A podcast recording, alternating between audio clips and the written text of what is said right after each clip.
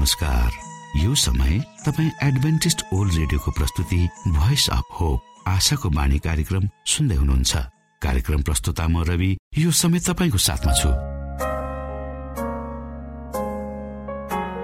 आदरणीय श्रोता लाखौं करोडौं ध्वनि तरङ्गहरूको बीचमा भरोसा योग्य आशाका आत्मिक सन्देश सहित आशाको बाणी कार्यक्रम तपाईँको सामु आइपुगेको छ। यी तरङ्गमा शक्ति छ यी तरङ्गमा जीवित परमेश्वरको अनुग्रह छ। यो कार्यक्रमलाई सुन्न रोज्नुहुने समस्त श्रोतावर्गमा हामी आभार व्यक्त गर्दछौ। आजको कार्यक्रमबाट यहाँले प्रशस्त आशिष पाउन सक्नु भएको होस्। यही शुभेच्छा व्यक्त गर्दै सधैँ झै हामी हाम्रो मूल विषयतिर जानु अगाडि सुनौ यो मधुर क्रिस्टीय भजन।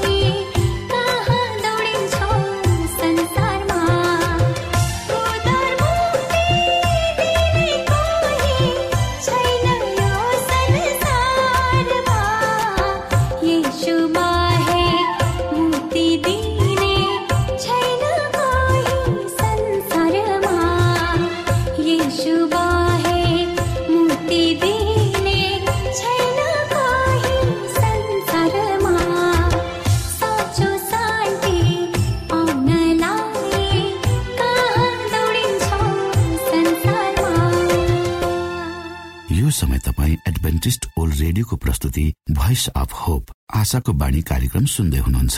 श्रोता मित्र यो समय हामी पास्टर उमेश पोखरेलबाट आजको बाइबल सन्देश सुन्नेछौ। श्रोत साथी न्यानो अभिवादन साथ म तपाईँको आफ्नै आफन्त अर्थात् पास्टर उमेश पोखरेल परमेश्वरको वचन लिएर यो रेडियो कार्यक्रम मार्फत तपाईँहरूको बीचमा पुनः उपस्थित भएको छु। आउनु श्रोता तपाईँ हामी केही समय परमेश्वर सँगसँगै आफ्नो समय बिताउ।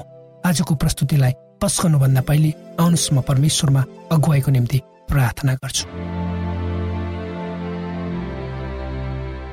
जीवी जिउँदो महान दयालु परमेश्वर प्रभु यीशु हामी धन्यवादी छौँ। यो जीवन र जीवनमा दिनुभएका प्रशस्त आशिषहरूको प्रभु यो रेडियो कार्यक्रमलाई म तपाईँको हात राख्दछु।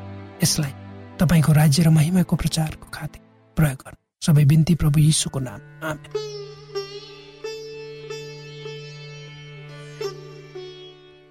श्रोत साथी म पहिलोपल्ट आफ्नै आमा र बहिनीलाई घरैमा छोडी पहाडबाट तराई जान भनी हिँडेँ। मेरो बुबा सरकारी कार्यालयमा काम गर्नुहुन्थ्यो। त्यसकारण उहाँ प्राय घरमा बस्नुहुन्न कहिलेकाहीँ चाडबाड र छुट्टीमा केही दिनको निम्ति उहाँ हाम्रो साथमा हुनुहुन्थ्यो।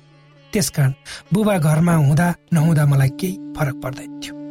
कडा स्वभाव भएको हुनाले बुबा घरमा नभएकै राम्रो लाग्दथ्यो। तर मेरी आमाले हामीलाई कहिले पनि छोड्नु भएन एक्लै। जब उहाँ कतै जानुहुन्थ्यो हामीलाई साथै लिएर जानुहुन्थ्यो।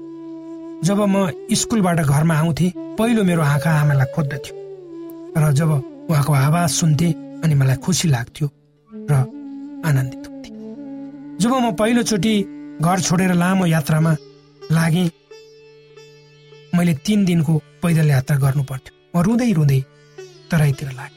र कहिले घर फर्कौँ जस्तो लाग्यो। एक महिना तराईमा जसो जसो बिताएँ र घर फर्केँ। मलाई कस्तो खुसी लाग्यो त्यसको सीमा थिएन हाम्रो घर नेपालको पूर्वी पहाडी भागमा पर्थ्यो। भिरालो जमिन जङ्गलले घेरेको ठाउँमा हामी बस्थ्यौँ।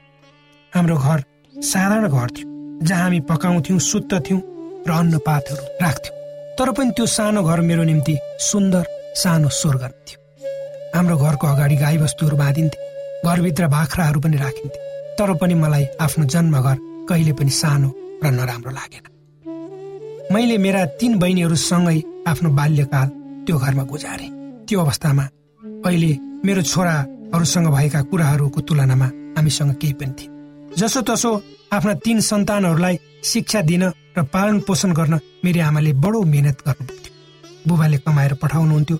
आमाले जतन गरी बुबाको उक्त कमाईमा रात दिन पसिना नबगाउनु भएको भए सायद हामी यो अवस्थामा आइपुग्ने थिएन हाम्रो घरदेखि स्कुल पुग्न आधा घन्टा ओह्रालो हिँडेर जानु पर्थ्यो भने आउँदा थाकेको भोक लागेको उकालो बाटो भएकोले हामीलाई एक घन्टाभन्दा बेसी लाग्थ्यो। हामी स्कुल जाँदा काप कापी कलम हातमा बोक्दथ्यौँ पानी स्कुलको धाराबाट पिउने गरिन्थ्यो भने खाजा हामीले कहिले पनि स्कुलमा खाएनौँ।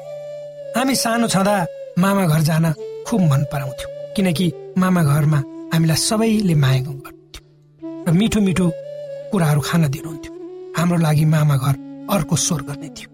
हजुरबा हजुरआमा मामा माइजू सबैले हामीलाई श्रद्धापूर्वक माया गर्नुहुन्थ्यो। र आर्थिक रूपमा उहाँहरू धेरै सम्पन्न हुनुहुन्थ्यो हाम्रो तुलनामा। त्यसैले पनि होला हामी अभावमा हुर्केकालाई सम्पन्नताले भरिएको मामा घरमा सबै कुरा थियो अनि हामी जान सधैँ लालयत हुन्थ्यौँ। मैले मेरा बाल्य अवस्थामा दुःख के हो भने आफ्नै आँखाले देखेको र आफूले भोगेको छु। त्यसैले अहिले कसैले दुःख पाएको देख्दा मेरो हृदय पग्लिन्छ र म जसको पनि दुःखमा सहभागी हुन चाहन्छु। बाल्य अवस्थामा ज जसले मेरो जीवनमा गुण लगाउनु भयो वा मलाई मलाई माया गर्नुभयो मेरो हात समातेर मलाई सही बाटोमा हिँडाउन सिकाउनु भयो ती सबै प्रति म आभारी छु र ती सबै व्यक्तित्वहरू जो जो जीवित हुनुहुन्छ उहाँहरू जहाँ जे जस्तो अवस्थामा किन नहुनुहोस् उहाँहरूले गर्नुभएको गुणलाई म तिर्न लालय अनि परमेश्वरले मलाई यति धेरै खुसी र आशिष दिनुभएको छ त्यसलाई परमेश्वरको गवाईको खातिर म उहाँहरूसँग बाँड्न पनि आतुर छु। फेरि घरैको कुरा गरौँ श्रोता। हामी जहाँ जन्मन्छौँ जहाँ हुर्कन्छौँ त्यही ठाउँ त्यही घर त्यही परिवार हामीलाई मनपर्छ। आफ्ना आमा बाले तपाईँ हामीलाई कस्तो कस्तो परिस्थिति र अप्ठ्याराहरूका बावजुद पनि हामीलाई चाहिने सबै कुराहरू दिने प्रयत्न गर्नुभयो। आफू खाइ नखाई वा आधा पेट खाएर हाम्रो पेट सदैव भर्नुभयो आफ्नो आङमा फाटेका कपडा वा सिरा लगाए पनि हामीलाई सदैव नयाँ र राम्रो दिने प्रयास गर्नुभयो किनकि आफ्ना सन्तानहरूको निम्ति उहाँहरूले आफूलाई समेत बलिदान गर्न पछि पर्नु भएन। त्यसैले त आज तपाईँ हामी यो अवस्थामा छौँ। त्यसै गरी आज हाम्रा सन्तानहरूप्रतिको हाम्रो माया र ममतालाई हामी कापी कलमद्वारा व्यक्त गर्न पनि सक्दैनौँ।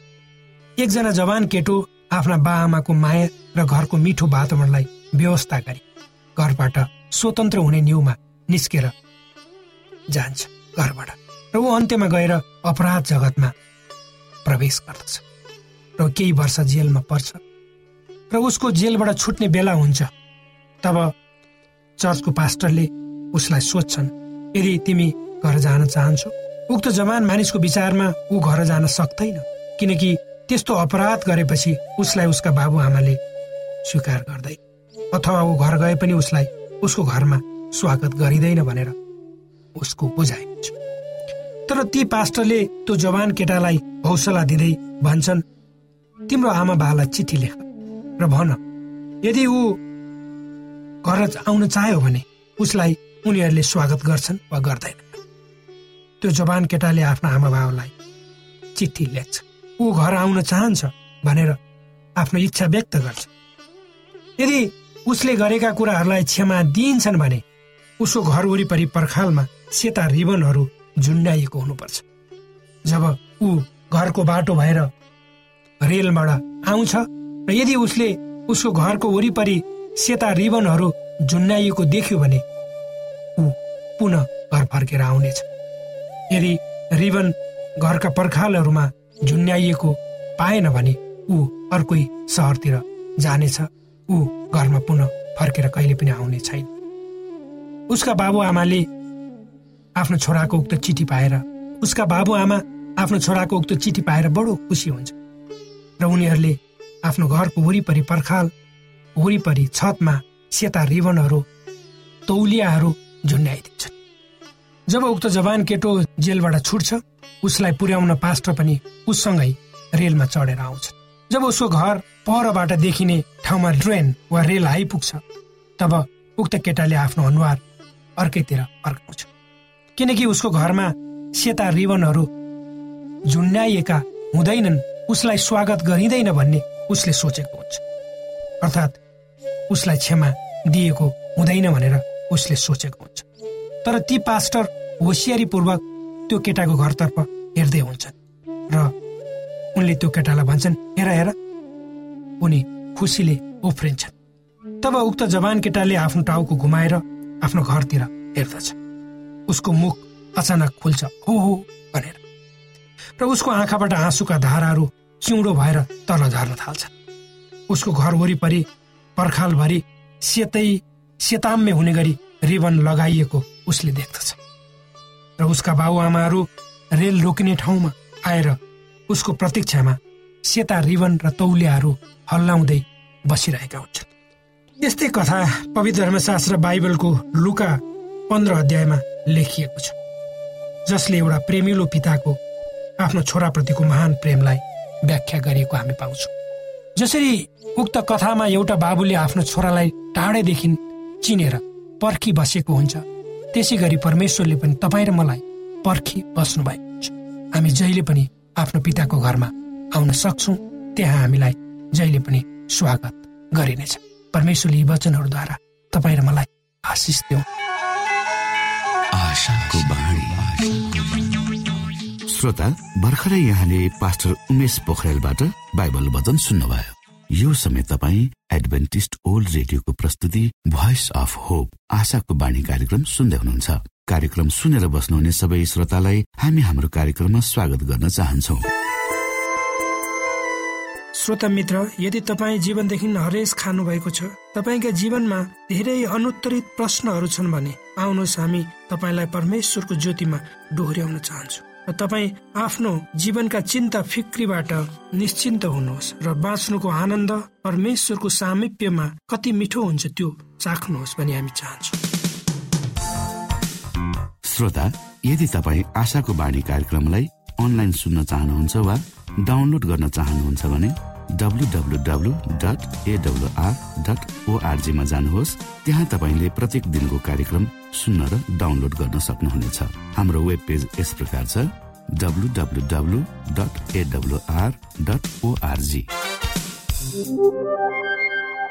श्रोता यदि तपाईँ हामीसित सिधै फोनमा सम्पर्क गर्न चाहनुहुन्छ भने हाम्रा नम्बरहरू यस प्रकार छन्। अन्ठानब्बे एकसाठी पचपन्न शून्य एक सय बिस। अन्ठानब्बे एकसाठी पचपन्न शून्य एक सय बिस। र अर्को अन्ठानब्बे अठार त्रिपन्न पन्चानब्बे पचपन्न। अन्ठानब्बे अठार त्रिपन्न पन्चानब्बे पचपन्न। श्रोता मित्रहरू ख्रिस्ट यसुको नाउँमा न्यानो अभिवादन।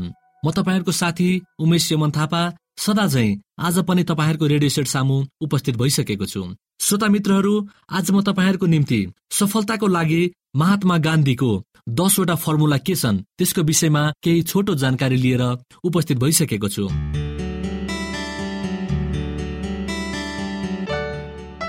मोहनदास करमचन्द गान्धी अथवा महात्मा गान्धीले अहिंसात्मक आन्दोलनबाट भारतलाई ब्रिटिस राज्यको दबावबाट स्वतन्त्र बनाए। जब उनले भारतीय जनतालाई ब्रिटिसको कुर शासनबाट स्वतन्त्र बनाए तब उनको नाम विश्वभरि फैलियो। गान्धीलाई शान्तिको दूतको रूपमा पनि लिइन्छ। त्यसैले आदर्शवादी गान्धीबाट आज मानिसले पनि धेरै कुरा सिक्न सक्छन्। यहाँ चर्चा गरिएको छ उनको दस बाणीको जुन सुन्दा सामान्य लाग्छ तर यही कुरालाई अवलम्बन गर्दा मानिसको जीवनमा काया पलट आउन सक्दछ। श्रोता मित्रहरू हामी जस्तो सोच्छौ त्यही बन्छौ। महात्मा गान्धीले भनेका छन् कि हामी जस्तो सोच्छौ त्यस्तै बन्छौ। हामीले तय गरेको लक्ष्य पुग्नु पूर्व नै असफलता बारे सोच्न थाल्यो भने साँच्चीकै हामी असफल नै हुन्छौ। हामीसँग सकारात्मक र नकारात्मक दुवै गुण हुन्छन्। तर हामीले नकारात्मक विचारलाई मनबाट हटाएर सकारात्मकलाई मात्र राख्नु जरुरी हुन्छ। कहिले पनि हार नमान्नु। भारतलाई स्वतन्त्र बनाउने दौरानमा गान्धीले कैयौँ पटक जेल जीवन भोग्नु पर्यो तर उनले कहिले पनि हार मानेनन्। लगातार स्वतन्त्र भारतको पक्षमा सङ्घर्ष गरिरहे। उसै गरी हामी पनि लक्ष्य प्राप्तिको लागि सङ्घर्ष गर्न थाक्नु हुँदैन। केलाई प्राथमिकता दिने? हरेक मान्छेले एउटा योजना र लक्ष्य बनाएको हुन्छ तर कहिलेकाहीँ मानिस लक्ष्यमा हराउन पुग्छ। किनभने लक्ष्यको प्राथमिकतामा हामी चुकेका छौँ। त्यसैले हामीले हाम्रो प्राथमिकता बारे सोचेर अगाडि बढ्नु पर्दछ। हामीले अन्य विषयलाई भन्दा लक्ष्यलाई नै प्राथमिकता दिएर अगाडि बढ्नु पर्दछ। लक्ष्यको बाटो पनि लक्ष्य जस्तै सुन्दर हुन्छ। गान्धी एक नैतिकवान मानिस थिए। उनले स्वतन्त्र भारतको आन्दोलनमा कहिले पनि यस्तो कदम उठाएनन् कि जस्तै उनको अन्तर आत्मामा ठेस पुगोस्। त्यसैले त उनले भारतलाई ब्रिटिस शासनबाट मुक्त गर्नको लागि हिंसाको सहारा लिएनन्। त्यसरी नै हामीले पनि लक्ष्य प्राप्तिको लागि नैतिक बाटोलाई अवलम्बन गर्नु पर्दछ कस्तो कुरामा सहमति? कतिपय मानिसले अरूलाई नचिड्याउनको निम्ति नकारात्मक कुरामा पनि सहमति जनाएका हुन्छन्। यस्तो आचरणले मन नपर्दा नपर्दै पनि विभिन्न काम गरिरहेका हुन्छन्। गान्धी भन्छन् कि अरूलाई खुसी बनाउनुको निम्ति कहिले पनि नकारात्मक कुरामा सहमति जनाउनु हुँदैन। यदि यसो गरिएन भने मानिसमा आक्रोश र कुण्ठा भरिँदै जान्छ। अन्तर आत्माको आवाज। हामी पुरै जिन्दगीभर शान्ति प्राप्तिको लागि दौडिरहेका हुन्छौँ। तर कसरी शान्ति प्राप्त हुन्छ भन्ने कुरामा पनि त्यति ध्यान दिँदैनौँ। अरूको कुरा सुनेर निर्णय लिन्छौँ। यदि आफूमा शान्ति छाओस् भन्ने कामना गर्छ भने अन्तर आत्माको आवाज सुन्नु पनि एकदमै जरुरी हुन्छ। सद्भावले खुसी। आजको युगमा खुसी र सद्भाव दुर्लभ बन्दै गएको छ। तर गान्धीले सधैँ भन्ने गर्थे कि सद्भावको विचारले साँच्चीकै हामीलाई खुसी दिलाउँछ। माफ गर्ने। मानिसले कसैलाई माफ गर्न जान्दैन या कसैलाई माफ गर्नु भनेको कमजोर हुनु हो भन्ने मानसिक ठान्दछन् गान्धीले भनेका छन् कि माफ दिने मानिस नै महान हो।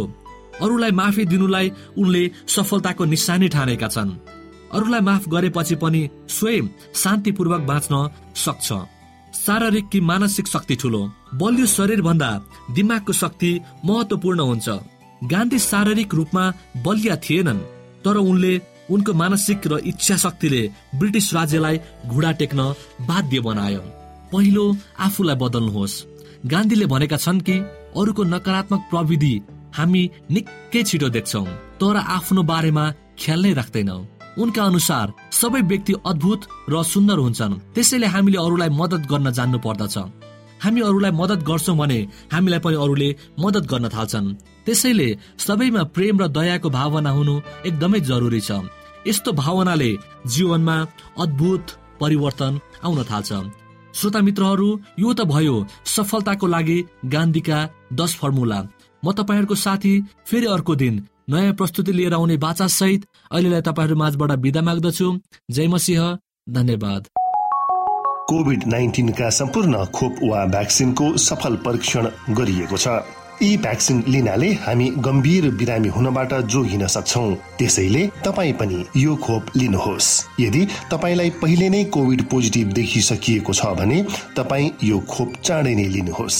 यसो गर्नाले हामी र हाम्रो समुदायमा रोग प्रतिरोधक शक्ति चाँडै नै आउनेछ र हामी सबैजना पहिले जस्तै सामान्य जीवनमा फर्कन सक्दछौ।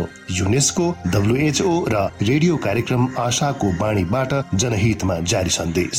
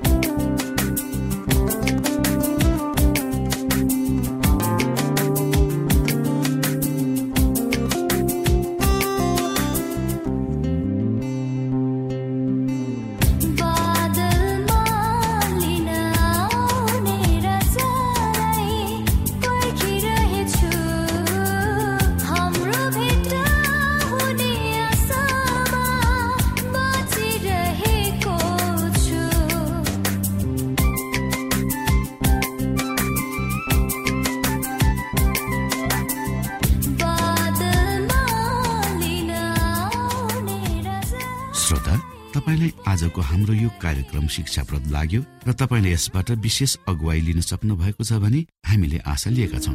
हामीसँग पत्राचार गर्ने हाम्रो ठेगाना यस प्रकार छ। आशाको बाणी पोस्ट बक्स नम्बर दुई शून्य शून्य शून्य दुई काठमाडौँ नेपाल। श्रोता यदि तपाईँ हाम्रो स्टुडियोको नम्बरमा सम्पर्क गर्न चाहनुहुन्छ भने हाम्रा नम्बरहरू यस प्रकार छन्। अन्ठानब्बे एकसाठी पचपन्न शून्य एक सय बिस। अन्ठानब्बे एकसाठी पचपन्न शून्य एक सय बिस र अर्को अन्ठानब्बे अठार त्रिपन्न पन्चानब्बे पचपन्न। अन्ठानब्बे अठार त्रिपन्न पन्चानब्बे पचपन्न। हवस् त श्रोता भोलि फेरि यही स्टेशन र यही समयमा यहाँसँग भेट्ने आशा राख्दै प्राविधिक साथी राजेश पास्टर उमेश पोखरेल र कार्यक्रम प्रस्तुता म रवि यहाँसँग विदा माग्दछौ। नमस्कार।